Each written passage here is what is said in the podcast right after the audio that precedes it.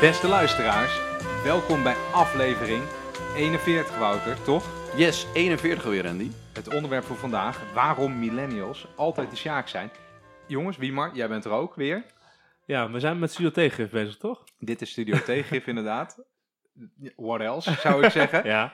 Wij, eh, we gaan eerst even naar de gekte, maar niet voordat eh, we wel even laten blijken dat we echt wel naar de feedback en de reviews luisteren. Eh, jongens, wij krijgen namelijk steeds drie tips. Tip 1.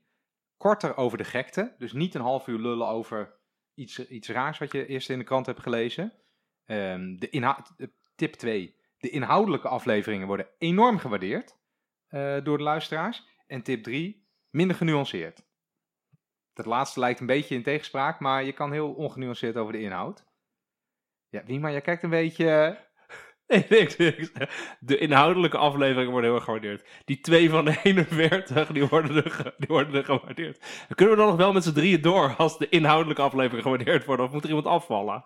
Of, eh, weet, je wat, weet je wat ik nu denk? Wat is dan die tweede inhoudelijke aflevering? Precies. Je weet alleen de woningmarkt. Dat is de enige die het herhaalt. Die wordt zo goed beluisterd, die is lekker is- inhoudelijk. En de rest weten we niet. Dat is de best beluisterde ooit. Nou, voordat we aan zelf, ons aan zelfkastijding overgeven. Vandaag hebben we ook een soort inhoudelijke aflevering. Wat ik al zei, waarom millennials altijd de Sjaak zijn. Maar voordat we dat even goed gaan introduceren, willen we eerst even naar de gekte. Wat we dus kort gaan doen. Zal ik, hem, zal ik hem heel kort doen? Oh, Wouter. Ja, Wat ik, wat ik mooi vind, is dat de, de gekte van dit weekend en het nieuws van dit weekend was volgens mij wel dat er iets was in het nieuws wat, wat ons allemaal raakte. Ehm, en waar waarschijnlijk de meeste van onze luisteraars het ook wel op hun werk over gehad hebben. Namelijk dat zij waarschijnlijk gisteren of vandaag zijn gaan tanken. En dat kwam doordat in het land waar een groot gedeelte van onze olie vandaan komt, een droneaanval geweest is op immense olieinstallaties. Man, we hebben tien drones. Een halve uh, olieraffinaderij in, eh, in, in Saudi-Arabië neergeknald. 5% van de wereld olieproductie ligt eruit. Dit is nog nooit voorgekomen. Eh, jij zit een beetje te vertellen. Nou, dat is te gek. het- je hebt vast wel getankt. Het klopt inderdaad dat waarschijnlijk op deze aflevering online morgen. En Mhm. dat is dus Prinsjesdag. En dan gaat het over Prinsjesdag. En dan over alle voorspellingen voor het komend jaar. En dan vind ik het dus grappig nu dat een van de allerbelangrijkste factoren in de voorspelling van de economie van volgend jaar en ook de jaren na is altijd de ontwikkeling van de olieprijs. En alle CPB-dingen die nu uitkomen, die kunnen nu al de prullenbak in. Want ehm, maandag, op de eerste handelsdag, steeg de prijs van olie meteen met 10% door die droneaanval op twee olieinstallaties in Saoedi-Arabië. Dat betekent dat meteen ook dat doorgerekend wordt aan alle eh, benzineprijzen aan de pomp. En natuurlijk ook aan alles. eh, nou, het is het diesel, kerosine. eh, Alles, gas. Alles, gewoon Ja. alles.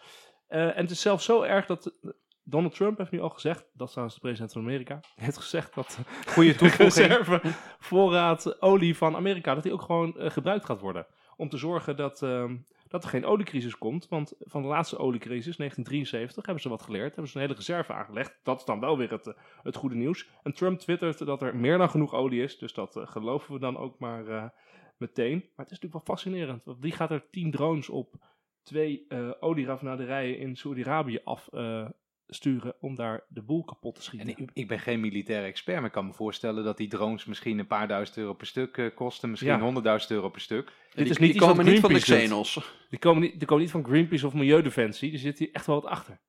Ja, maar ik bedoel, de kosten eh, om, om blijkbaar een van de grootste raffinaderijen ter wereld uit te schakelen zijn waarschijnlijk heel laag.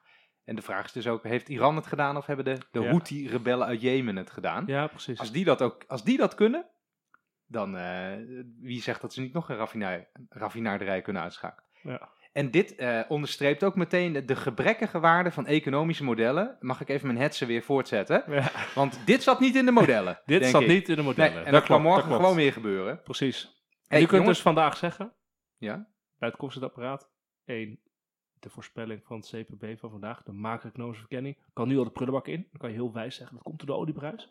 En het tweede punt is, dat je dus heel veel spijt kan hebben, want je hebt niet op tijd getankt. Ja, en ik moet zeggen dat het een relatief klein percentage van de koffieautomaten in Nederland is, waar het gaat over de CPB-modellen. Maar Maar ik denk dat het onderwerp van tanken, zoals ik aan het begin aankondigde, dat, dat ik denk dat dat toch wel iets is wat Maar ik mensen denk dat mensen er, er wel gekker van worden dan jij het voorstellen. Stop. we hebben geleerd, we hebben het nu kort Oh ja. over de gekte, Luisteren naar de luisteraars. en we gaan nu door naar het hoofdonderwerp, Inhoud. De inhoud, Nou, Wouter. waarom millennials altijd de Sjaak zijn. Ja, jij wijst naar Wouter. Ja, nee, zal ik het eh, kort introduceren? Waarom? Er zijn twee eh, ehm, eh, belangrijke rapporten uitgekomen. Er is ook in het nieuws best wel veel over geweest, eh, over gegaan. Over het, eh, het CER-rapport, eh, over eh, Generation Y. En eh, nou ja, de CER schrijft daar zelf over dat zij waarschuwen dat jongeren snel, min- minder snel zelfstandig zijn en de tweedeling toeneemt. Dus een groot CER-rapport. En in het nieuws is er heel veel geluid geweest rondom de eh, eh, Coalition Y, die eh, onder leiding van, van mediapersoonlijkheid Tim Hofman ook de noodklok luidt. Ik vind dat een mooi woord. De noodklok, noodklok. luiden over iets. Waar hangt die? Ja, Wie wijst dat ding toch? Ehm, maar de, de noodklok wordt geluid dat, dat jongeren op heel veel vlakken de pineut zijn. In vergelijking met, eh, met, met oudere generaties en met, met jongere generaties die, die voor hen eh, eh, uit de wieg waren gekomen. Ehm, en, en ja, is, dat klopt toch ongeveer? Ja, Dus, dat eh, klopt. echt- Maar misschien, eh, want wie zijn er hier de jongeren? De millennials? Dat moet ik misschien even uitleggen. Ja, Ja, wie, wie zijn millennials? Zijn, Ja. dat, zijn dat 18-jarigen? Er of, zijn dus vele, vele definities, maar zowel de millennials als de Generation Y of generatie I of de Einstein-generatie, wat je al meer kan verzinnen. Meestal wordt gezegd vanaf 1980, de geboortejaren daarna. Dat zijn een beetje de, de millennials, die zeg maar volwassen worden. rond Wij zitten er ook bij. Wij zitten erbij, zeker. Wij zitten erbij. Eh, en in al deze, eh, zowel het rapport van de SER als in eh, dus de manifest wordt gezegd, ja, deze jongeren, die hebben een nadelige positie. Die hebben het dus eigenlijk slechter dan hun, zal zeggen, ouders en, en grootouders. Ehm, en dat uitzicht dan in meerdere zaken, namelijk Mag ik nog even een, een, ko- Ja. een korte vraag stellen? Van, over hoeveel mensen gaat dit ongeveer? Welk gedeelte van onze stemmers eh, Oh, is dit een gedeelte van de stemmers. Ja, ik we- weet, eh, ik kan, zijn het volgens mij is zijn het dat tussen de 18 en de 35 eh jarigen, volgens mij is dat 25% van het electoraat. Oké, dus een kwart van de mensen die volwassen is, Gaat dat dit. Randy opgezocht. dat zeggen. En dan weten Heel we knap, ongeveer- dat heb ik heel knap opgezocht. Ja, Ja. lekker Randy. Oké, maar waar, wie maar waar, waar zitten die mensen mee? Ja, Randy, is, Randy wil graag wat zeggen.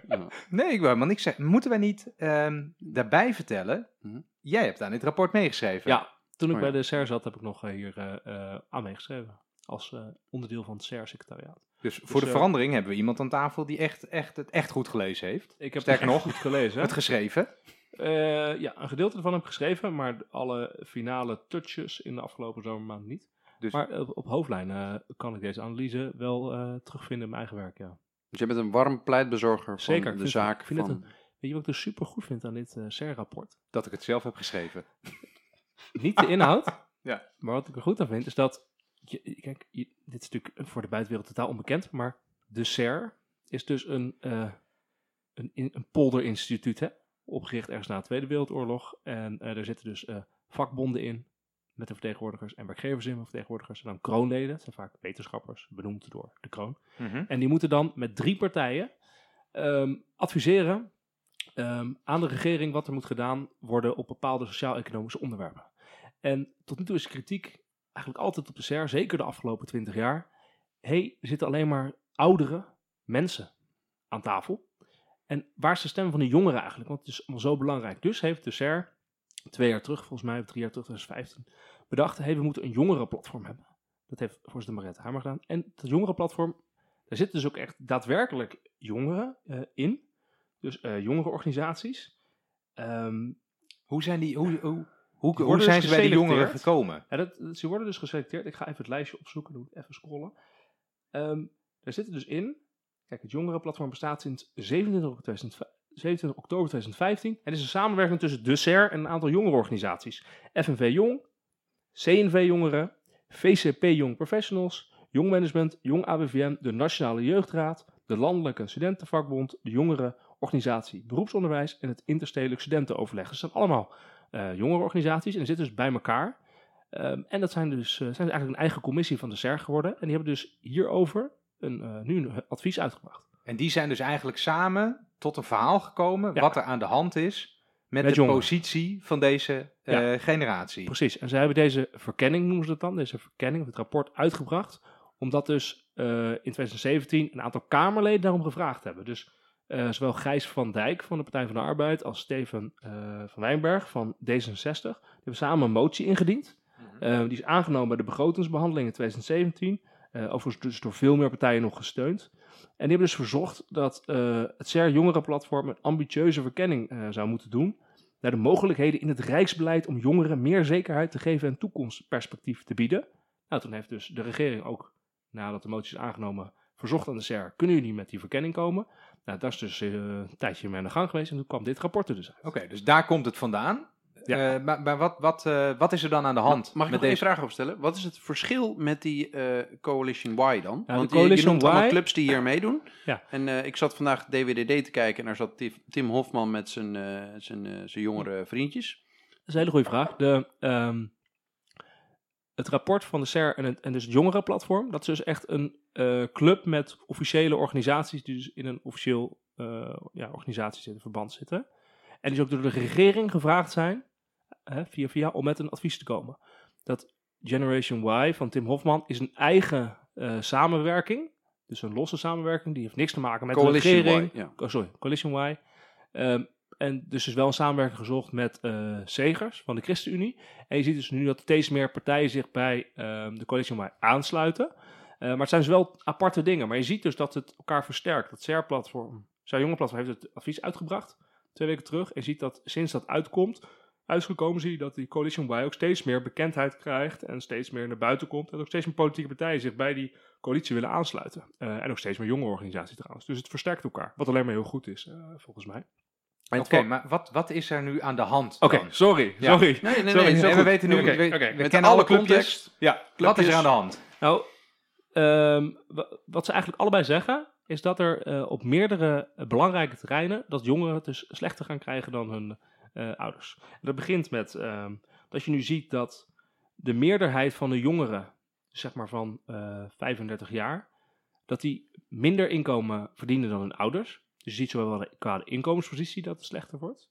Je ziet dat eh, ze vaker flexcontract hebben, onzeker werk, dan eh, voorgaande generaties. Dat eigenlijk jongeren altijd een flexcontract eh, krijgen.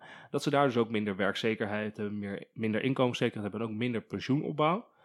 Ehm, je ziet dat er in de hele onderwijs, dat er natuurlijk de studiefinanciering eh, is aangepast. Dus de basisbeurs is weg, leenstelsel is ingekomen. betekent dus dat jongeren eh, schulden moeten maken. Dus ze hebben meer schulden eh, dan voorgaande generaties. En je ziet vooral, en dat is natuurlijk het interessante met deze generatie, dat de, blijkbaar de, de stress en de prestatiedruk en het aantal burn-outs, dat dat heel erg aan het toenemen is onder deze nieuwe generatie. En de vraag is dan, in hoeverre heeft dat te maken met inderdaad het leenstelsel, eh, maar ook met de opkomst van social media. Want dat is natuurlijk helemaal nieuw voor deze generatie, dat je eh, Instagram hebt en eh, Snapchat en noem het allemaal maar op. Ehm, en dat is natuurlijk nieuw. Geeft ook veel meer vergelijkingsmateriaal met andere mensen van dezelfde generatie. Doe je het goed wel of niet? En nou, ook het idee van je moet presteren en dat laten zien. En het laatste punt dat hij terugkomt is de woningmarkt. De positie van de jongeren op de woningmarkt is gewoon slechter dan bij voorgaande generaties. Eh moeten meer eigen vermogen inbrengen, wil ze een huis kopen. Dus je moet meer vermogen hebben. Nou, dat is lastig. Mhm. Ehm, want je hebt, bent jong, dus je hebt nog geen vermogen opgebouwd. Ja, en die schuld wordt Eh, heel hard en de meegenomen. schuld van de studiefinanciering telt dan ook nog mee. En je hebt een flexcontract. Nou, dat is ook niet heel fijn als je een hypotheek wil krijgen. En je ziet dat voor de jongeren dat op de sociale woningbouw, daar ging onze vorige inhoudelijke aflevering over, dat, Dat is de eh, eerste inhoudelijke aflevering. dat, eh, dat, eh, dat de wachtlijsten daar natuurlijk eh, hoog zijn. En groot zijn, lang zijn. Dat de jongeren natuurlijk, de buitenstaanders en de outsiders, ja, die komen er niet in. Laten we dat even beetpakken, want hoewel dus duidelijk wordt, de millennials is best een brede generatie, waarvan de oudste ook misschien zelf alweer kleine millennials eh, op de wereld hebben gezet. Dus ze Eh, zitten hier aan tafel. Maar als je ja, en maar als je even echt naar de, naar de echte jongeren daaronder kijkt, Ja. dan zie ik, eh, las ik vandaag toevallig dat nu, ehm, ik weet niet of dat helemaal klopt hoor, maar dat voor het eerst meer eh, jonge studenten, in het eerste jaar zal het zijn dan, thuis wonen dan op kamers wonen. Ja, zeker. Ook En bij. in, het, eh, in, de, eh, in dat CER-rapport van jou, of hè, van de CER, mogelijk is deze zin door jou geschreven, staat dat 40% van die thuiswonende studenten zegt niet op kamers te zijn gegaan vanwege de financiële onmogelijkheid ervan. Ik vind dat wel een beetje sneu hoor. ik weet niet hoe dat voor jullie was. We kenden elkaar nog niet toen wij studeerden. Maar eh, toen ik ging studeren, opa spreekt, eh, voelt het inmiddels een beetje, was het echt heel normaal dat iedereen ging gewoon op kamers. En die waren ook best betaalbaar. Die kon je ook wel soort van eh, deels, nou grotendeels van je studiefinanciering wel betalen. En dan moest je nog een beetje bijlenen. Ja. Of in een kroegje werken of zo. En dan kon je gewoon prima rondkomen. En dat was niet, ehm, tenminste in mijn NS1 herinnering, dat was niet continu onderwerp van gesprek van hoe kom je aan je geld en zo. En ook als je geen geld van papa en mama kreeg, dan was het, was het toch prima mogelijk om op kamers te gaan. En nu is dat, dat is gewoon niet meer zo. Ja, ik, denk, ik denk dat, ja, ik, ik, ja dat, dat klopt. Dat hebben wij denk ik ook gezien. Maar ik denk dat vooral de, de combinatie van al deze factoren is. Dat bij ons nog steeds wel de zekerheid bestond dat als je afgestudeerd zou zijn, dat het dan wel weer goed komt. Dus dat de, de, de onzekerheid tijdens je hele studieperiode, die het ook oké maakte om een beetje aan te modderen en zo. Eh, dat, dat, op, dat op allerlei vlakken is toegenomen. Dat je dus daarna waarschijnlijker in flexwerk komt. Dat je daarna waarschijnlijk geen zekerheid op een, baan hebt. Dat je voelt dat er een immense druk is om toch te presteren. Wat ik een heel interessant eh, gegeven vond, is dat de, de zelfdoding eh, vrij hoog is in vergelijking met eerdere generaties. Dus op allerlei aspecten. Er was een, een, een interview met Mariette Hamer over dit rapport dat ik luisterde, waar zij vooral op hamerde, was dat de, de, de kansenongelijkheid onder de jongeren toeneemt. ehm, en daardoor onzekerheid vooral op de, de grotere groep eh, jongeren die het leven eigenlijk niet voor zichzelf uitgestiepeld ziet eh, aan het toenemen is. Dus, eh, dus de groep met minder sociaal-economisch kapitaal, die maakt het nog angstiger het leven. Want al die factoren die jullie noemden, dus financieel, meer lenen, geen kans op de woningmarkt, flexbanen, inkomsten zien dalen, dat is gewoon, dat komt allemaal de jongeren die eigenlijk niet het sociaal-economisch kapitaal om zich heen hebben om, eh, eh, om, om het, ja, het, die niet in een gespreid bedje zijn geboren. Jongeren zonder rijke ouders, eh, heel simpel gezegd. Of is dat te, is dat te simpel? Ja, rijke of hoogopgeleide ouders. Daar, daar komt het een beetje op neer. Dus, eh, ehm, in want als je, zij zei het wel grappig, ze zei, als je, als je kapitaal hebt, dan kan je een mooi bestuurs-CV opbouwen. Als je, als je wat geld van je ouders meekrijgt, dan Ja. kan je mooi in een commissie In gaan het Nou, zitten. rapport wordt ook gezegd van het gaat niet alleen om sociaal eh, of alleen maar eh, om economisch kapitaal, dus het geld wat je hebt of wat je meekrijgt van je ouders, maar ook om het cultureel kapitaal. Dus Ja. ben je, heb je netwerken, heb je connecties, eh, dat dat ook steeds belangrijker Maar wordt. valt op dat het moment niet, je hebt het onderzocht, valt dat niet heel erg samen dan altijd? Ja, daar zit wel, dat, waarschijnlijk wel. is niet onderzocht in die maat in het rapport, maar waarschijnlijk hangt het natuurlijk wel samen. En het rapport zegt vooral van, hey, eh, door de crisis, dus na 2008, en de maatregelen die de regering eh, heeft genomen om de overheidsfinanciën op orde te brengen, zeg maar, dat de combinatie van die verschillende maatregelen, dus dat ze afzonderlijk nog goed te verdedigen zijn. Hè? Dus, eh, nou ja, inderdaad, dat je denkt van, nou oké, we moeten een studie, van leenstelsel, sociaal leenstelsel, valt wat voor te zeggen. De woningmarkt eh, wat, wat minder makkelijk toegankelijk maken, wat minder hoge hypotheek, is ook wat voor te zeggen. Maar als je maar elkaar optelt, dan zie je toch wel dat het terechtkomt bij dus een hele generatie jongeren. En daar, eh, ja, daar kan je je wel druk op maken. En eh Rennie ze net nog, voordat we begonnen, van... Oh, ja, maar deze jongeren hebben ook nog een keer... dat ze het gevoel hebben dat het klimaat ook nog een keer naar de gallemiezen gaat. Dus ja, je snapt wel dat er hier heel veel onzekerheid is. Ja, want soms, kijk, weet je, heel veel mensen zeggen natuurlijk meteen, ehm, ja, die slappe, die slappe millennials, dat zijn gewoon watjes Ja. en eh, die moeten niet zeiken, want toen ik jong was, toen, toen eh, moest ik nog in de gootsteen eh, onder de douche en zo, dat soort dingen. ik heb in de eerste plaats, Toen hadden we niet eens te eten. had ik he- heb ik altijd heel sterk het gevoel dat die mensen die dat zeggen, dat, dat, dat die het dan eigenlijk over hun ouders hebben. Dat, dat heb ik altijd. Ehm, Was je op zoek naar onze fan die gereageerd had? Nee, ik, Ja. ik, ik ben, ja, dat ziet de luisteraar natuurlijk niet. Ik zit even, even eh, hoe zeg je dat, wild op mijn telefoon eh, te scrollen. Want eh wie maar jij zei, ja, in de economische crisis zijn er allemaal maatregelen genomen om de begroting op orde te brengen. En wat ik een keer voorbij zag komen is van Robin Fransman. Iemand die we ooit nog willen verleiden om hier als gast aan te sluiten. sterk nog even al gezegd dat hij Hij heeft, hij heeft podcast toegezegd. wil, alleen moeten we een datum prikken. Oké, nou heel goed. Eh, die, die heeft een overzichtje gemaakt. Dit, eh, eh, dit is hem. Van wat, de, wat de oude generatie nog had en wat de jonge generatie niet meer heeft. En het gaat dan om dingetjes die met cent, centjes te maken hebben, zeg maar. Ehm, ik zal het even kort doorlopen. Hij zegt, de oude generatie, die had dus, nou wat jij net zei Wiemar, die had nog een volledige studiebeurs. En de jonge generatie moet lenen voor de studie. De oude generatie had nog een volledige hypotheekrenteaftrek en de jonge generatie slechts eh, beperkt. Daar kan je overigens ook wel aan toevoegen dat huizen vroeger ook eh, nog veel goedkoper waren dan, dan nu. Dus je moet ook nog meer lenen. Eh, de oude generatie had nog onbeperkte lijfrenteaftrek. De jonge generatie heeft geen lijfrenteaftrek. Vroeger met pensioen op 62, eh, jong met pensioen op 72. Eh, dan gaat het even over pensioen. Oud op basis van eindloon 2,25% opbouw. Jong op basis van middelloon 1,75% opbouw. Nou, eh, laten we kort zeggen, oud krijgt meer pensioen per, eh, hè, per en eh, eerder, en meer. Eerder en meer. Dit, dit snappen die jongeren niet eens. Oud, vast contract. Jong, flexcontract. Oud, lage pensioenpremie. Jong, hoge pensioenpremie. Dat is ook nog zo, hè? Want vroeger heb je ook nog jarenlange Ja. pensioenpremievakanties gehad. Dat je gewoon niet hoefde te betalen. Ja. Ja, dat, dat kunnen we alleen maar van dromen. Eh, oud, eh 10.000 korting op de eerste schijven. Jong, volle met betalen. Gaat het over de arbeidskorting of zo? Wat, eh, Ik weet niet, jij hebt je hier je over zeggen. Ik weet niet waar ik lees gaat. alles voor wat ik hier heb. Nou, neem het van me aan. Oud, onbelaste vermogensopbouw in box 1.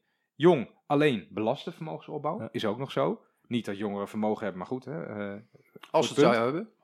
oud, hoge ontslagvergoeding. Jong, geen ontslagvergoeding. Ja, klopt. Nou, Ja, wat- en volgens mij is het niet eens een uitputtend overzicht. Nee, het zijn best wel geen, eh, eh, veel dingen. overzicht. En wat ik interessant vind aan, eh, aan die hele ontwikkeling is dat kijk, een aantal dingen waardoor de druk op jongeren, op nieuwe generatie groter is, die hebben gewoon te maken, heeft gewoon te maken met, met technologie. Hè? Dus inderdaad, social media, noem dat maar op. Dus een aantal dingen zijn gewoon heel verklaarbaar. Maar wat dus ook is, voor een groot gedeelte, is dat het dus gewoon maatregelen zijn van de, van de regering. Die, die terechtkomen bij een jonge generatie. Dat is natuurlijk het meest schrijnende. Dat, dat zei je net van, ja, je hebt dus na de crisis is dus een reeks kabinetten die zeggen allemaal, we mogen de schuld niet doorschuiven naar volgende generaties. Dus we moeten ombuigen, want anders zijn de volgende generaties de sjaak. Is Alleen die ombuigingen, die komen juist vooral terecht bij de jongere generaties. Nou, sterker nog, Opgeteld. Dat sterker vind ik nog, wel. kan dat is- jij één belangrijke hervorming noemen die niet in het nadeel van deze jongere generatie heeft uitgepakt? Nou, zo snel niet. Er zal vast eentje zijn, maar ik Maar- kan ook even niks bedenken. Nee. Nou, bij het klimaatakkoord zijn ze ook de pineut? Eh? Nee, ja, jij beweert nu dat alle maatregelen... dat, eh, het klimaatakkoord is geen ombuigingsmaatregel. Nee, nee, maar dat was dat niet... zal eh, het wel van- worden uiteindelijk. Dat was Nee, maar als er geld crisis, uitgedeeld wordt, bijvoorbeeld nu met het pensioenakkoord en dat de AOW-leeftijdsverhoging weer wordt teruggedraaid, dat is weer het voordeel van de jonge generaties. Hè? Dus in die zin. Hey, maar, Maar, het grappige hier, of nou, het grappige, ehm, ik vind dat is wel een hele interessante. Van oké, je bent dus je hebt een crisis, je bent maatregelen nemen om de overheidsfinanciën op orde te brengen. En wat er dan vanzelf gebeurt, dat is ook, we we hebben allemaal bij de overheid gewerkt in de ambtenarij, of werken er. En dan zie je de neiging bij dit soort dingen om altijd te zeggen, als we gaan bezuinigen, dan moet er overgangsbeleid zijn. En bestaande rechten moeten worden gerespecteerd. Maar het gevolg daarvan is natuurlijk altijd dat de insidergroep die al in het systeem zit, die wordt Die heel een goed voordeel. Die letten heel goed op. Want we willen geen onbetrouwbare overheid. eh, die moet zijn woord nakomen. We hebben al onze toekomstige eh, eh, leven hebben al vastgepind op de beloftes van de overheid. Dus waar moet die bezuiniging vooral terechtkomen? Bij de outsiders die nog niet in het systeem zitten. En dat is precies wat je ziet bij heel veel van die maatregelen. En dat is dus de jonge generatie. Dat vind ik wel het naar om hier Ja, te zien. Dat is, ook, dat is heel grappig ook. Als je, als je bijvoorbeeld in CBS-cijfers kijkt naar eh, hoeveel mensen nog in welke uitkeringen zitten. Dat is gewoon alsof je een soort eh, oude boom doormidden zaagt Ja. en dan jaarringen ziet van... God mag weten hoe lang geleden. Dan zitten er nog honderdduizenden, nou, ik laat ik hem niet overdrijven. Zitten er nog vele tienduizenden mensen in uitkeringen waarvan je echt moet denken: God, wat was het ook alweer? Dat is echt al twintig jaar geleden afgeschaft. Er zitten gewoon nog mensen in. Hey, maar wat ik net wilde vragen, wie, maar zijn er ook redenen om een beetje te, te twijfelen aan eh, dat er zo'n, eh, eh, ja, te zeggen, ondervertegenwoordiging van het belang van Generation Y is in, eh, in onze machtsstructuren? Zijn er ook eh, redenen om, want jij hebt er dan aan zo'n rapport gewerkt, hebben jullie ook wel eens meegenomen van, nou hè, jongens, eh, niet al te veel piepen. Eh, zijn er ook redenen om te zeggen van, nou, nou, nou, eh, Stel je niet Ja, aan. tuurlijk. bedoel Je je? hebt terug naar Instagram, Je hebt, jongens. je hebt veel meer informatie. Eh, je kan veel meer van de wereld zien. Dus veel meer technologische mogelijkheden. Je kan nu heel de wereld overvliegen. hè? Dus eh, dat is allemaal eh, goedkoper geworden. Dus zeg maar in die zin is je koopkracht... Wat kan je kopen met het, met het budget wat je hebt? Met het inkomen Mhm. wat je hebt? En daar kan je in die zin meer mee doen dan, eh, dan je ouders en je voorouders. Dus ik denk wel dat dat... Daar zit wel een, een verbetering, 100%. Ja, maar dat, ja. is, ik vraag me toch altijd wel af, dat is zo, hè? De welvaart is natuurlijk veel hoger dan vroeger. Maar toch neemt dat niet weg dat deze generatie wel min of meer financieel gedraineerd wordt door de, door de oudere generatie boven hun. Hè, met, al die, met al die voorbeelden van eh, Robin Fransman die ik net eh, Ja. opnoem. ja, Ehm, dat, dat, klopt. ja, dus even los, los van, ja, tuurlijk, eh, feitelijk heb je het beter dan. Ja, maar aan de andere kant, en dat, snap ik ook wel, dat mensen zeggen, ja, maar ja, in de jaren tachtig had je ook een verloren generatie. En kijk eens hoe die er nu bij zitten. Dus, dus ik denk ook wel dat je in die zin wel waarschijnlijk iets te negatief bent over hoe het nu met deze generatie is. En dat we over twintig jaar van een aantal van deze punten zeggen, nou, het viel er eigenlijk wel mee. Het was gewoon een momentopname. En we hebben niet goed voorzien hoe het zich ontwikkelde. Alleen dat is geen reden om nu niks met dit rapport te doen. Want het laat gewoon zien, er gaat hier iets niet goed bij deze generatie. Het is gewoon erkend door alle, ja, laten we zeggen, mensen die, die de boel een beetje onderzoeken in het land, dat dit feitelijk vaststelbaar een probleem is voor deze grote groep. Ja. We hadden ook volgens mij luisteraars gevraagd of nog input hadden. We hadden een mooie reactie gekregen van iemand die zei van, eh, wat zei hij? Zij zei letterlijk, dat is eh, eh, wel een zeer gewaardeerde luisteraar Betty. Ehm, misschien dat millennials dat dan zelf ook wat zichtbaarder kunnen maken. Door op Insta niet alleen maar rond de wereld plaatjes te posten vanuit de juiste hoek. Maar te laten zien hoe het echte zware leven eruit zou zien. Qua erkenning bij het grote publiek. Ehm, dus dat is de kritiek op deze generatie is vanuit, laten we zeggen, ik denk dan de, de iets oudere generatie van.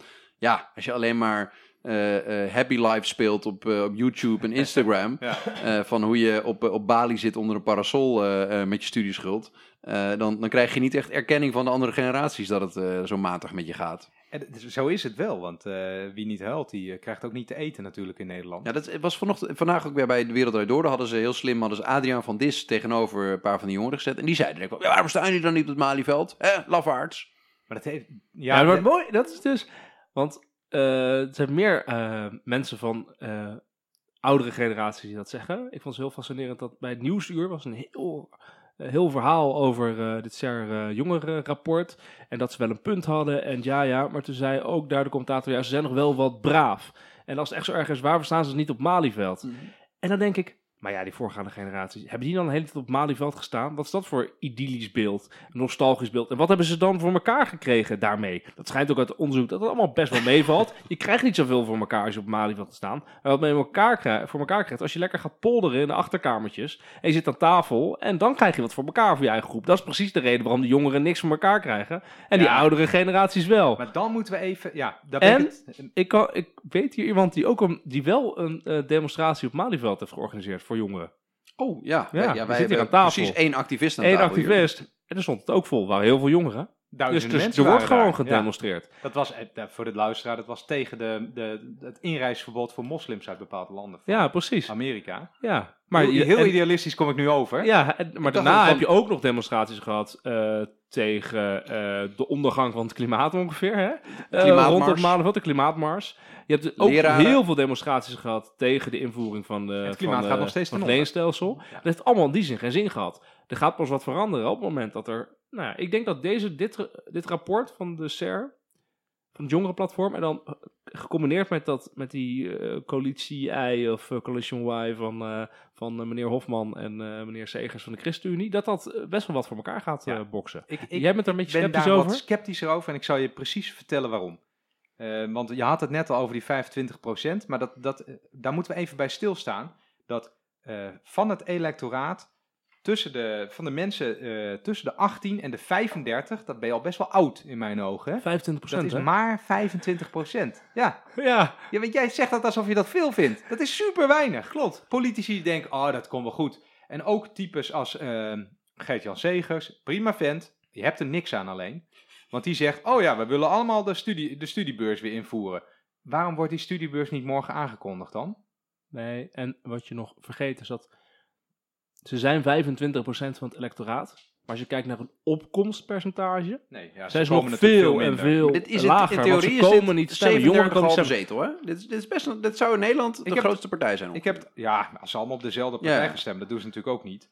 Eh, de opkomst ehm, onder 35 minners is 71 procent. is niet eens zo laag, hè? En de opkomst onder 65-plussers is 86 procent. Dat is veel hoger. Ja. Dus je- jij zegt, jongens, eh, jonge mensen, als jullie echt vinden dat je een probleem hebt, is er één ding wat je moet doen, is ga gewoon stemmen. Ja, nou zeker, want het draait allemaal om macht. Ja, Politici gaan niet geld toeschuiven naar groepen die electoraal niet machtig zijn. En ze zijn ook slecht georganiseerd. En het is ook, las- het is ook lastig om jongeren goed te organiseren, want op een gegeven moment hou je op met jong zijn. Maar als je oud bent, dan blijf je voor altijd oud.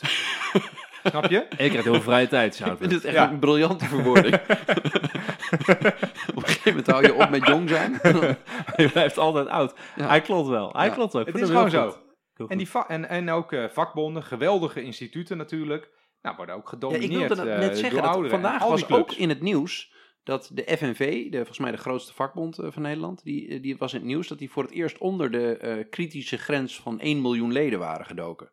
Ehm, dus de, groepen die het ook voor de, laten zeggen, de, de flex-contracten die de jongeren hebben opnemen, die verliezen aan organisatiegraad. Ja, maar ik moet eerlijk zeggen dat de vakbonden hebben heel duidelijk ingestemd met dit rapport. Hè? Dus je wil dat dit naar buiten komt, omdat zij zeiden, we- de jongeren die moeten een stem krijgen, dit moet naar buiten, Ja, we zijn hier maar- voor. En heel veel van wat hierin staat zijn de vakbonden ook voor. Het probleem is denk ik vooral, ja, je kan nu zeiken op de vakbonden, oké, maar waarom worden jongeren geen lid van een vakbond?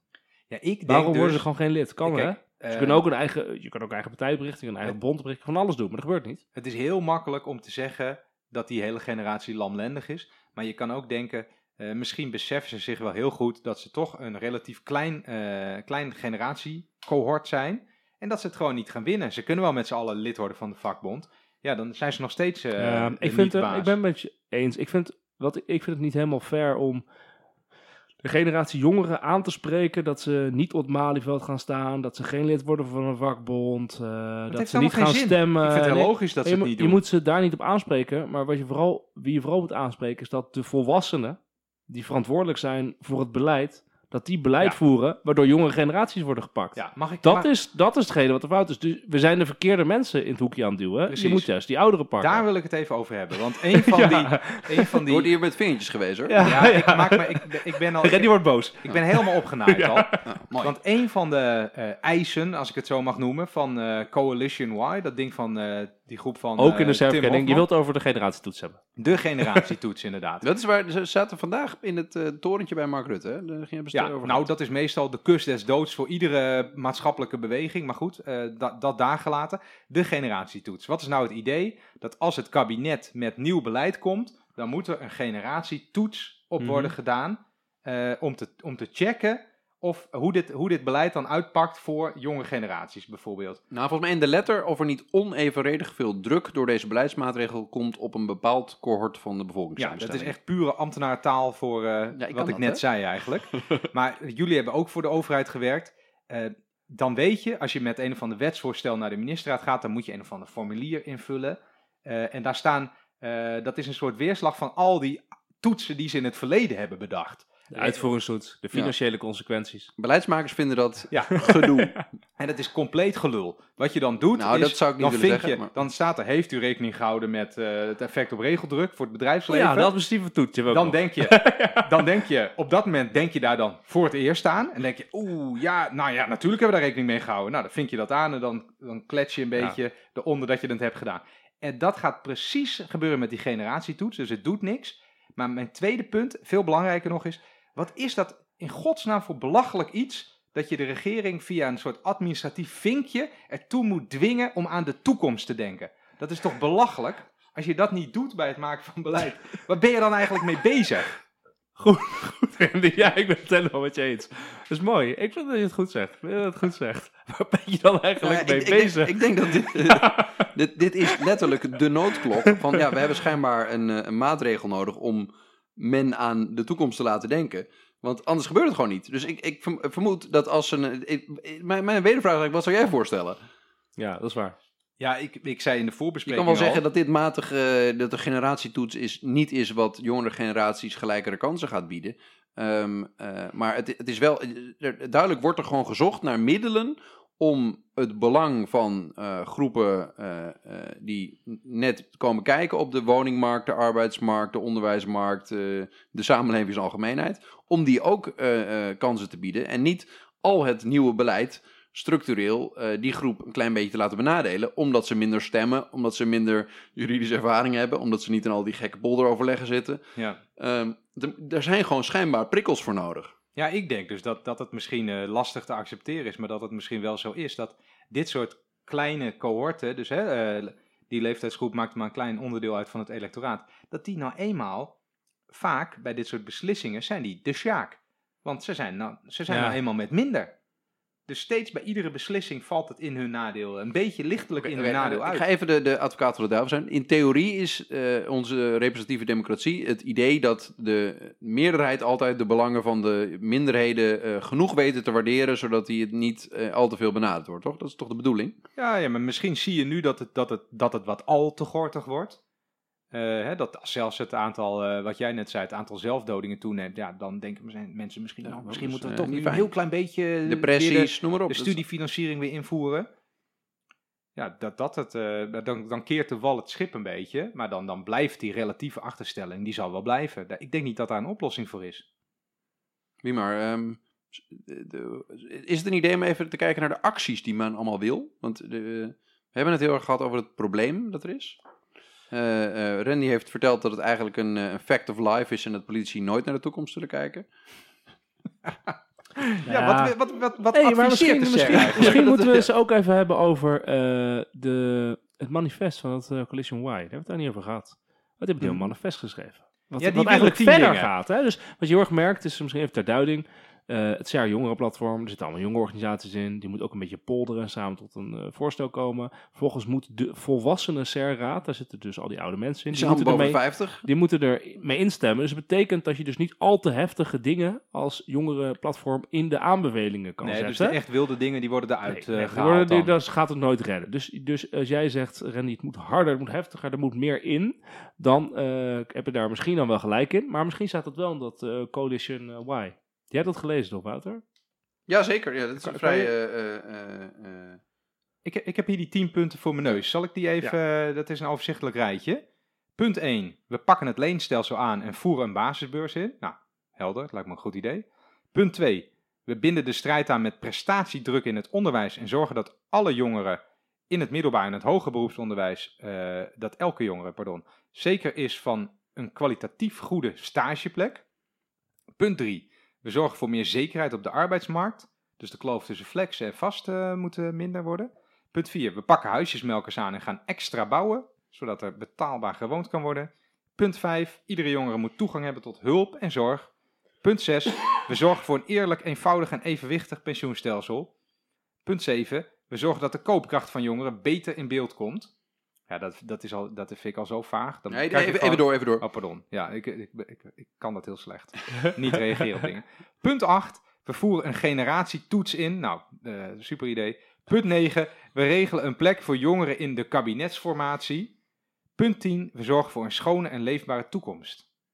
Dat, dat gaat over klimaat, eh, denk ik. Ik, ik, Nou, dat zijn ze. ik meen te herkennen, eh, en ik kan niet zeggen dat ik het daar volledig mee oneens ben, dat jij het, dat jij het grootste gedeelte van die dingen nogal logisch vindt.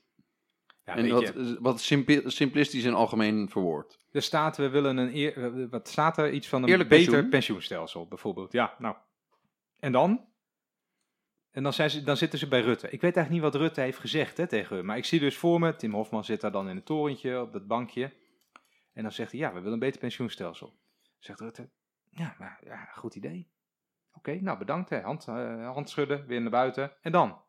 Er gaat niks veranderen. Je moet, eh, je, moet, je moet ze toch een beetje bang kunnen maken. Anders gaan ze echt niet eh, springen. moet eigenlijk concreter zijn, hè? In die zin. Ja, wat wil je Nou, nou het is een beetje zoals de, het manifest van Borst. Eh, Hugo Borst. Ja, In de zorg. Dat is gewoon van. Dat is echt kijk, heel sowieso, weet We je, dat is heel concreet. We willen gewoon geld hebben. En waar politie natuurlijk nou wel naar luisteren, is niet zozeer naar demonstraties op Malieveld. Want die vallen altijd tegen. Want Malieveld is veel te groot voor veel mensen. En het is allemaal oh, eigenlijk niet zo erg veel. En er waren zo mensen thuis gebleven. Oh, wat lastig. Jeetje, jeetje. Bla bla. Dus dat werkt dan niet. Ja. Maar wat wel werkt, wel werkt, is dit soort eh, rapporten en adviezen schrijven. En vooral. Complimenten trouwens tussendoor. Hoe goed jij het gebrek aan energie bij Malieveld demonstraties wist uit te beelden. Ja, ja, was dat jij, dat jij de, de grootte van het Malieveld eigenlijk inzet als een, een, een, con- een soort van eh Nou, behalve als je conspiracy Trump-foto's, als je Trump-foto's om alle eh, demonstraties klein te posten. laten lijken. Maar wat je, het de beste manier om te zorgen dat politie wat gaan doen, is op Angst. tv komen. Oh, Angst. Zorgen dat, ze, dat elke dag op tv komt bij allemaal talkshows. En dan moeten ze uiteindelijk wel wat. Nee, Want daar zijn ze ja. veel gevoeliger voor. Dus dat, is, dat werkt. Dus in die zin vind ik het, vind ik het goed dat ik Tim Hofman er elke keer zit. Vind ik het goed, die hele campagne rondom... dus er, er moet nu iets gaan gebeuren. Ja. Ik denk morgen, of vandaag moeten we nu zeggen... bij de Prinsjesdag, er gaat een, nog iets naar buiten komen voor jongeren eh, per se. En, maar ik denk, ik ben het wel met je eens.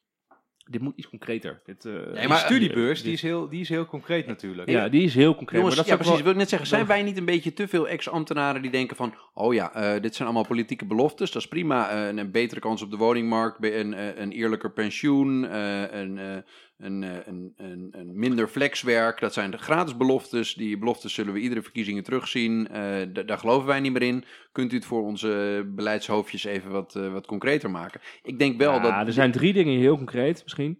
Leenstelsel aanpakken, dat gaat de volgende kabinetsformatie gebeuren. Kunnen ze er niet meer omheen. Er moet, er moet aangepakt worden, zo'n leenstelsel. Twee, generatietoets, heel concreet, gaat er komen. Op een of andere manier. En drie, een plek voor jongeren in de kabinetsformatie. Gaat ook gebeuren. De volgende kabinetsformatie worden jongeren vinkje. uitgenodigd. En wie dan? Ja, Mag nee, Tim Hofman dit- dan Ik zeg meer van, dat zijn, de, dat zijn de meest concrete hier. Die gaan alle drie eh, lukken, denk ik. En ik denk dat... eh, Maar twee van die drie zijn toch wel helemaal niks?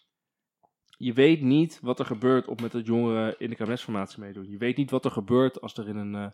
eh, als de generatietoets tegen wordt, of het toch iets doet. Weet je Jij waar ik werd het, er wat het over, dat zie ik. contrast... Jij noemde net dat oudere manifest van Hugo Borst. Ja. Eh, nou, dat zijn dus ouderen die zich dan even boos maken. Die hebben gewoon binnen no time, hebben die, god mag weten hoeveel geld. Weet je eh, uit je hoofd hoeveel dat was? Ik heb dat even niet eh Nee, opgezocht. was, dat weet ik niet in mijn hoofd. dat was, miljarden. volgens mij was dat een half miljard Oh, of dus zo. die, die Ja. hadden door, we moeten gewoon gaan voor financiële toezeggingen. En al die ambities, dat is gratis. Ze Ja, die jongeren moeten eigenlijk gewoon zeggen, je moet zoveel in het onderwijs pompen. Kijk wat die Hor- Bor- Horst, Borst gewoon zei, ze moeten zoveel in de zorg voor ouderen. En dan Ja. weet je dat bij de ouderen terechtkomt. Maar- Op termijn trouwens ook bij de Jongens, jongeren. benoemen jullie niet precies is- het probleem? Jullie benoemen eigenlijk, beste jongeren, jullie weten nog niet hoe het echt werkt. En wij zitten hier nu een beetje op zo'n zolderkamertje. eh, met al onze eh, kennis van de inside systeem. Wij zitten een beetje eh, chic een wijntje te drinken s s'avonds laat. En wij staan ook niet op een Malieveld, maar wij zitten ons ook niet in te spannen voor deze groepen. Dus wij, wij, benoemen, wij zijn en we benoemen precies Ja, het maar ik probleem. ben veel minder, eh, ik denk dat hier veel meer mee gaat gebeuren dan wat Renny denkt. Ik heb er wel bewon, ik heb er bewondering voor. Voor wat zij nu voor elkaar aan het eh, krijgen zijn, die jongeren. Ik denk echt dat het bij Nou de ja, volgende het kabinetsformatie de dingen gaan ooit. veranderen. Ja, dit is het meeste wat een georganiseerd verband jongeren in, bij mijn eh, weten, in ieder geval in mijn hele leven voor elkaar aan het krijgen is. Ja. In de Ja, Nederlandse je, politiek, ja. Eh, ik denk, als ik, de, ik ben dus wat kritischer inderdaad. Als ik dan naar deze rij kijk, dan denk ik dat de basisbeurs weer ingevoerd gaat worden. Maar die wordt ook niet nu al ingevoerd. Dat, moet, dat wordt eerst nog weer even uitgesteld. En als die weer ingevoerd wordt, het enige wat je dan hebt bereikt, is dat een eerdere bezuiniging is teruggedraaid. Maar daar zien we nu, dat zien we nu alle, aan de lopende band gebeuren. Bezuinigingen die worden teruggedraaid. Ja, dus zo bijzonder is dat niet. Bedoel ik maar te zeggen. Eh, en wat, wat kost dat nou helemaal? Een paar, paar 300 miljoen of zoiets, weet ik veel. Iets dergelijks. Nee, volgens mij 1, zoveel miljard werd er Ja. per jaar? 1,3 miljard geloof ik. Ja, want de- wat, het- het kabinet goochelt ook altijd een beetje met die, met die, Ja, die hoeveel- bedragen over- bij elkaar over op, hoeveel hè? jaren het wordt uitgesmeerd. Ja, want eh, een van de andere eisen is dan een toegankelijke woningmarkt. Dan weet ik nu al dat eh, morgen op Prinsjesdag gaat dan gezegd worden... ja, we hebben een miljard voor de woningmarkt. En dan wordt, het, wordt die ook toegankelijk voor jongeren. Dat is dan, eh, dan is dan in werkelijkheid maar 100 miljoen per jaar. En dat, dat tellen ze Weet dan... je waar we bij die woningmarkt veel te weinig over hebben? Wat is echt een probleem is? Dat eh, daar hebben de jongeren echt een probleem in de zin dat eh, oudere generaties die willen natuurlijk niet doorverhuizen uit grotere woningen. Nee. Dus zeg maar, er wordt een soort verhaal gemaakt. Ah, weet je wat het is? Er is er een woningmarkt en dan komen de jonge generaties en de oudere generaties. Die zijn na een tijdje, zijn hun kinderen het huis uit en die verhuizen dan weer door. En die komen... Maar wat er aan de hand is, dat dat gewoon niet gebeurt. Dus de, de, de, de, de oudere generatie die in die huizen woont, die wordt ook allemaal veel ouder. in dan die de huizen waar je gezin in opvoedt. Ja, waar je gezin opvoedt, die, die houden die huizen bezet. En dat snap ik heel goed. Maar dat is een probleem waar we volgens mij veel te weinig aandacht voor hebben. Die huizen, die moeten bijgebouwd gaan worden. Dus dat vind ik fascinerend aan deze generatie. Het komt eigenlijk niet zo heel erg terug nog in de discussie. Maar deze generatie is de eerste generatie die er echt last van gaat hebben... dat dus een grote groep ouderen op de woningmarkt is die huizen bezet houdt. Ja, met z'n tweeën in zo'n immens pand. Ja, we zijn twee zo'n immens pand. En dat er dan eh 1% misschien een keer zijn huis verkoopt en een appartementje eh, verhuist. Of dat hij zegt, joh, ik spis mijn huis wel. Dat gaat natuurlijk het probleem niet oplossen. Dus ik, ik, wil- ik vind dat hier nog te weinig discussie over is. Ja, en dat is lastig, want ik weet wel waarom die, eh, waarom die mensen lekker in dat huis blijven zitten. Want als zij verhuizen, Eh, stel dat ze een huis huren, als zij nu dan gaan verhuizen, dan wordt dat nieuwe huis, dat wordt waarschijnlijk duurder in absolute zin Ja, en ook nog kleiner. ja. Eh, waarom zou je dat doen? Je bent wel gek als je dat doet. Hetzelfde met, met een hypotheek. Als je nu een nieuwe woning moet kopen, hartstikke duur, dan verlies je misschien wat oude hypotheekrechten, krijg je, et cetera. Je omstandigheden worden minder gunstig.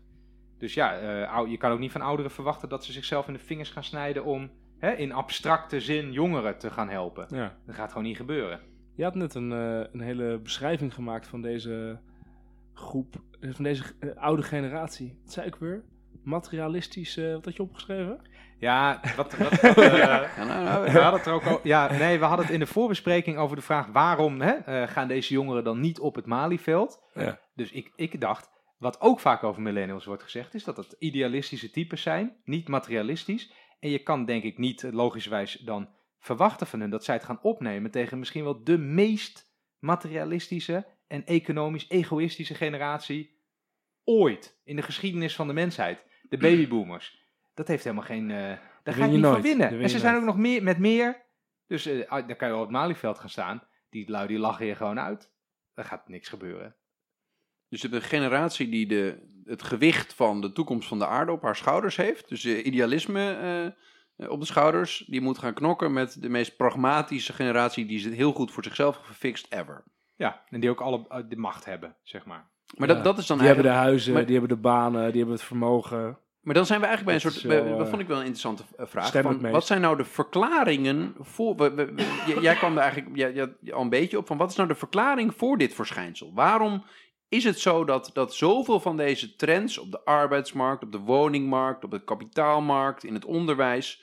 erop gericht zijn om het stapje voor stapje net een beetje minder prettig te maken om in leven te zijn in deze maatschappij voor jongere groepen ten opzichte van andere groepen. Wat zijn nou de prikkels die daar aan de gang kwamen, eh, zijn? En, en nou ja, we, we hadden het eerder al over dat er dus een soort eh, eh, eh, ja, een gebrek aan besef is van hoe het systeem werkt. Simpelweg, de macht zit bij de oudjes. Hm. Ehm, we hadden het al over dat eh, de, de, de, de babyboom-generatie is een generatie die ontzettend veel heeft opgebouwd en steeds meer vermogen heeft gecreëerd voor zichzelf en heel goed is geweest om de regels te buigen naar degene die vermogen hebben. Ehm, maar zit er nog meer? Ik kwam eigenlijk ook bij een, soort idee dat de manier waarop wij macht verdelen, dat die eigenlijk diep van binnen een beetje conservatief is. Dat alleen bij echte crisis we gaan heroverwegen hoe we überhaupt besluiten nemen. En als we dat niet doen, dan wordt bij een crisis zoals in 2008, dan worden de, de effecten van die crisis worden uiteindelijk afgewenteld op de groepen die het minst hard voor hun belang strijden na de crisis. Dus Ja. je hebt 2008 gehad, je hebt een financiële crisis gehad, dan weten de groepen die een beetje goed georganiseerd zijn van oké, wij moeten nu voor ons belang gaan strijden, anders zijn wij de pineut in de maatregelen. En de groepen die niet bij de macht in de buurt zitten, die worden langzaam, daar worden eventjes de knikkertjes bij afgepakt. Ja, en da- daar gaat dat CER-rapport ook op in. Eh, en dat vond ik eigenlijk zelf iets waarvan ik dacht, zo, dat is best wel interessant. Dat zij eh, spreken over dat het lijkt alsof er een onzichtbare muur wordt opgetrokken. eh, waarbij aan individuen aan de ene kant van de muur meer kansen hebben eh, dan eh, de lui aan de andere kant van de muur. En dan gaat het ook over dat, eh, dat sociale kapitaal en dat economisch kapitaal. En ook toegang tot macht. Mhm. Ehm, Ja, er wordt steeds meer eh, eigen verantwoordelijkheid naar die nieuwe generatie toegeduwd. Hè? Dus in het kader van bezuinigingen wordt er gezegd: oké, je, moet, hè, je moet zelf zorgen met je schulden. eh, dat je een goede studie regelt en dat je daarmee Dat, eh, dat, gaat, eh, dat kulverhaal gaat, van het is een gaat en investering in inkomen jezelf. gaat vinden. Precies. En bij de woningmarkt wordt gezegd, nou, je moet maar zorgen dat je meer eigen vermogen meebrengt, want dan kan je een huis kopen. En bij de arbeidsmarkt wordt gezegd, nou, je moet maar zorgen dat je zo bewijst, eh, dat je zo productief bent, dat je een vast contract krijgt. Ja. en zo, zo wordt dat doorgetikt. Maar het is ook in het kader van eigen verantwoordelijkheid, jezelf bewijzen, ga maar presteren. En het gaat elke keer van, de insiders hebben nog de goede en eh, voordelen van het systeem. En de outsiders, nou, er wordt gezegd, eh, succes ermee. even voor de luisteraar, het lijkt net of de ruis op de lijn zit. Maar jij verliest eh acuut je stem. Ja, ik verlies acuut mijn stem, eh, aangezien ik, ik weet niet wat, dat Wie, wie maar wordt ook een dagje ouder. eh, over outsiders praten, ik weet niet, doet Ja, maar, stem blijkbaar. misschien, ja, oké, maar die rende jij wel heel graag. Ja. Ja, nee, maar wat dat betreft is het dus niet ehm, de hele jonge generatie Nee, ja, die de Sjaak is. precies mijn punt. Maar is, is die onzichtbare muur die de SER noemt, ik weet niet of dat ook zo bedoeld is, die daalt eigenlijk neer eh, tussen jongeren aan de ene kant en jongeren aan de andere kant. Want als jij, eh, je hebt het over de woningmarkt, Wiemar, als je ouders hebt die jou, eh, 50 of 100.000 euro kunnen schenken om een huis te Ga kopen. je niet klagen hoor. Ja, dan red je het wel. Ja, staat ook in het rapport dat dat een van de regelingen is die eh, uitgebreidere eh, donatie- of schenkregeling voor Ja. ouders richting kinderen bij de aankoop van een Nou, eigen dat huis. is voor dat dat- miljarden, miljarden euro's gebeurd. ja, dat Ik- dat ik een vermoed enorme dat de- ongelijkheid de- binnen en tussen generaties het- het- veroorzaakt. De samenwerkingsverband van de eh, Nederlandse studentencorpora zich niet heeft aangesloten bij dit eh, manifest. Bestaat dat? Ja, dat bestaat. nee. Nee, hè? nee die hebben, hebben er iets minder. Ik, ik vermoed toch echt dat Jan Diederik eh, en, en, en zijn vriendjes dat die iets minder mee op hebben. Zou kunnen. Nee, maar die, weet je, ik denk, die, eh, eh, een, een groot, misschien wordt er daarom ook niet gedemonstreerd en is er daarom ook geen solidariteit en eenheid onder, in deze generatie. Omdat het deel van deze generatie die denkt, "Mwah, ik heb dat wel voor elkaar met mijn ouders en mijn, hè, met mijn diploma's en mijn, mijn centen. Ja, ik heb Die een denken, paar ja. bestuurtjes gedaan. Hè? Het zal mijn tijd wel duren. Misschien kan je, is, is eh, tenminste, dat was mijn takeaway van dit rapport en die hele discussie. dat de maatschappelijke ladder, die was vroeger de, eh, de publieke sector en het onderwijs was goed en de arrangementen waren goed. En nu is die, die ladder, dat zijn je ouders en je eigen eh, je afkomst. En ik denk dat, dat dat ook misschien die stress is. Want misschien heeft die stress ook wel bepaalde niet-economische factoren. Dat al die jongeren die voelen van, ik ga, ik ga het net niet redden. Hè? Die scheiding die nu ontstaat tussen de mensen die het goed geregeld hebben vanwege geboorte en geluk en de mensen die dat niet hebben. Die, die, die, die, die kloof die wordt nu zo groot. Misschien kan ik hem nog net overwinnen als ik keihard ga werken. Eh, maar eigenlijk kan het al Nou, nee, wat je eigenlijk beschrijft, Randy, is volgens mij dat de belofte is vanuit de, de- weet ik veel, de politiek of de macht is het wordt meritocratischer. Als je, eh, dus eigenlijk kansengelijkheid is er nog steeds wel aan de onderkant. Als je gewoon je best doet en goed bent, dan kan je meedoen. Want het is op het onderwijs een investering in jezelf. En als je gaat lenen, kom je op de woningmarkt. Dus ook gewoon allemaal goed voor jezelf. Dus de belofte is, er is kansengelijkheid. Het wordt heel meritocratisch als je maar je best doet. Een soort van Netherlands dream of Dutch dream. Ehm, maar wat mensen zien is, ja, ho eens even. Er is helemaal geen kansengelijkheid en, en puur op eh, mer- meritocratie gebaseerde eh, eh, beleidsmaatregelen. Het is heel erg eh, sociaal-economisch bepaald. Het is gewoon eh, waar je wieg staat, bepaalt, eh, grote, bepaalt steeds Ja, maar je meer. ziet toch ook dat de sociale mobiliteit ligt. dat het afnemen is. Ja, Dus en, er is steeds minder ruimte naar volgens mij zijn die jongere mensen die zijn niet gek, die voelen dit. Nee, en heel praktisch. Eh, je moet, een- vroeger was een diploma genoeg om gewoon door een redelijke werkgever van de Unie geplukt te worden. En dan kreeg je een mooie baan. Nu moet je eh, vaak twee diploma's hebben. Je moet eh, ook hoge cijfers hebben, wat ook vaak hè, met geld gekocht kan worden. Eh, en je moet vooral dingen ernaast doen die heel interessant zijn. Als jij niet eens geld hebt om op kamers te gaan en je moet dan blijven wonen in uh, Schubbekutteveen of zo, bij je ouders. Iedere dag een uur met, eh, met de bus en dan moet je ook nog werken in de lokale supermarkt, want anders heb je te weinig geld. Dan ga je dat allemaal niet opbouwen. Dan haal je met hangen en wurgen haal je net dat diploma en dan kom je dan de arbeidsmarkt op en dan zeggen ze ja, maar... Heb je jij- wel in de Almanak-commissie gezeten? Ik, denk, ik denk niet dat je het daarmee redt tegenwoordig, maar bij wijze van spreken, ja. Maar wat is nou de, de les hieruit? Wat, wat, wat nu? Het, angst, Ja, wat het, nu? is dat we eigenlijk concluderen dat de, de, de, ja, de, de macht en hoe die verdeeld is, is dat die diep van binnen conservatief is. Ja, bijvoorbeeld eh, Ja. jouw, eh, mag ik zeggen, jouw collega die het stuk had geschreven. Oh eh, ja, Haaien. Ja, Haaien. Dat is, ook een vriend van de podcast, Haaien, stuurde ons een stukje via Twitter. Van de millennials zijn de gewillige prooi, zo heet het toch? Ja. Ja, maar die zegt eigenlijk ook... zijn gewillige eh, prooi in generatie gepakt door Dus machtige... die zegt het al drie jaar. Ja. Eh, en eh er heb ook een column van Aleid Truijens. Klemgezette generatie, van een paar maanden terug. Tijd voor een jongere partij. Dan denk ik, ja, is het dan... Moet er niet wat gebeuren? Ik denk dat hier, dus Waar- als je het hebt over er moet er wat gebeuren, dan hadden we in het voorgesprek ook over. En daar verschillen denk ik Randy en ik een beetje van mening. Ik zei, joh, als je bij volgende verkiezingen deze ongenoegens of maatschappelijke trends achter jou weet te verenigen. Dus als je dat probleem rondom woningmarkt, onderwijs, flexwerk, eh, gewoon kansen in de maatschappij die ongelijk verdeeld worden. Als je dat goed weet te benoemen, dan ben je een spekkoper in de verkiezingen. Dan, ben je, dan maak je een grote kans. Randy zei, electoraal, te kleine groep, heeft helemaal geen zin. Ehm, maar ik denk dat er eigenlijk voor, voor de politiek, zal er genoeg reuring zijn om zich een beetje te gaan verenigen rond dit punt. Ja, voldoende reuring zijn. Daar ben ik dus mee Ja, eens. dus dat betekent dus dat ja. eh, wat er nu is gebeurd is gewoon een hele, hele goede lobby. En een hele goede mediacampagne. En dat betekent dat de politiek er iets mee moet doen. In de kabinetsformatie is ook nog een keer jongeren uitnodigen. Want dat staat in heel het uh, de Coalition Y uh, verhaal. Ik ben het wel eens met Randy. Deze club jongeren gaat natuurlijk niet ineens veel meer stemmen dan bij voorgaande verkiezingen. Dus je moet het vooral hebben van een hele, hele goede lobby. En, en, en, en liefhebbende ouders die denken, oh ja, zo, inderdaad, mijn kinderen zijn inderdaad een beetje verneukt.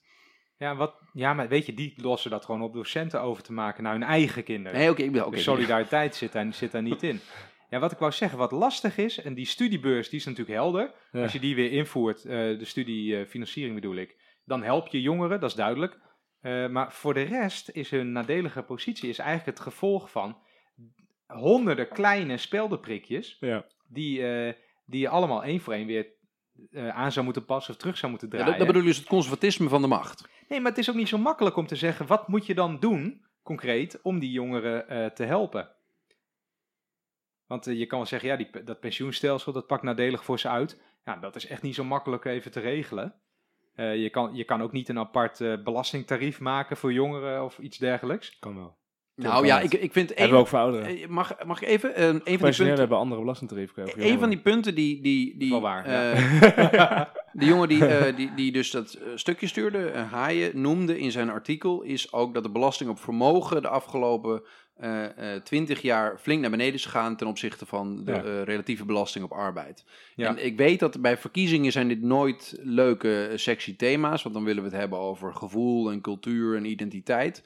Um, maar uiteindelijk, mensen die werken betalen dus relatief meer belasting dan mensen die gewoon vermogen hebben. En wie raakt dat het meest? De mensen die alleen maar werk in hun leven hebben, zoals relatief vaak jongere mensen. En wie raakt dat het minst? Oudere mensen, want die hebben in Nederland gewoon boven 65, 65-plussers. zijn ongeveer de rijkste ouderen ter wereld die wij hebben. Ja, dus eigenlijk uh, is dat een van de vele voorbeelden van beleid dat uitpakt in het nadeel van. Ja, dus als je als jongeren gaat drukken op jongens, belasting op arbeid moet beneden. Maakt niet uit hoe je het fixt.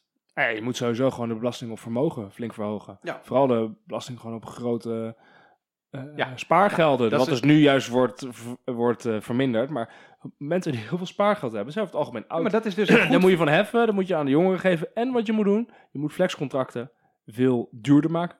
Zodat ze niet jongeren veel minder flexcontract krijgen. En als ze wel flexcontract krijgen, moeten ze gewoon veel meer betaald krijgen. Maar dat is, dit is toch juist een goed voorbeeld dat de situatie wanhopig is. Want uh, de, de, de belasting op vermogen, de, de, de grens waaronder je geen belasting uh, hoeft te betalen, wordt verhoogd van geloof ik 30.000 naar 440.000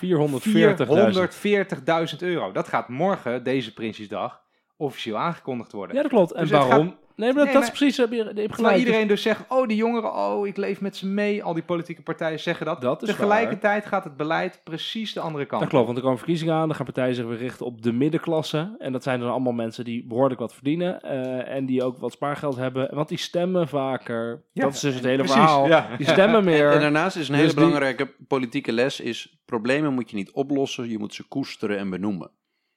Nooit oplossen. Ja, dat is, wat, wat hier dus heel goed. Dus je jongeren gaan op een Gaan nooit op jou stemmen. Wat, wat je, ik, zei, ik zei niet dat ik hier voor was, uh, Riemer. Ik zei dat ik dit. Ga uh, nooit op jou stemmen. Dat ik dit waarneem. uh, wat de politie nu gaat doen is jongeren knuffelen. Dus gewoon laten zien dat ze de, de, de vriend of de vriendin zijn van deze jongeren. Um, en dat heel goed benoemen. Als je er direct wat aan doet, dan is het probleem weg. Dan hoor je ze niet meer. Als ja, je... je doet niet voldoende, hè? Ja, Zo, als je wat probeert, dan zegt, oh, het moet meer, moet meer. Dus dat, ja.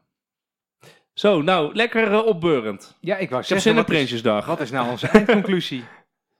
Nou, eigenlijk zeggen wij, we vinden dit heel goed, beste uh, oh ja. uh, Generation Y of uh, Millennials, waar wij zelf ook onderdeel van uitmaken. Waar wij ook een beetje de, de, de hand in eigen boezem steken dat wij niet, niet vaak genoeg hierover stampij maken. Dus ook een beetje ja. een schuldbetuiging deze aflevering. Precies. Um, heel goed dat hier ophef over ontstaat en dat er nu echt op het hoogste podium aandacht voor is.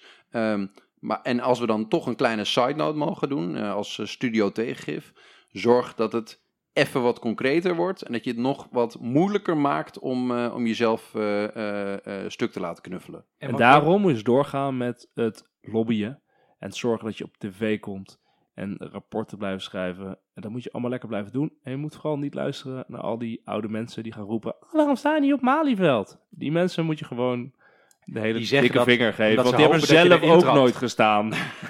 ja, ja, dat is echt gewoon... Ja, nee, okay. daar moet je niet naar luisteren. Ik denk dat, we, dat dit het is. Dit ja. is het. Bedankt voor het luisteren. Yes. We zijn, net, tanken. we zijn net binnen het uur, geloof ik, hopelijk. Of net niet. Ga Nou ja, tanken. ga snel tanken. Ja, precies.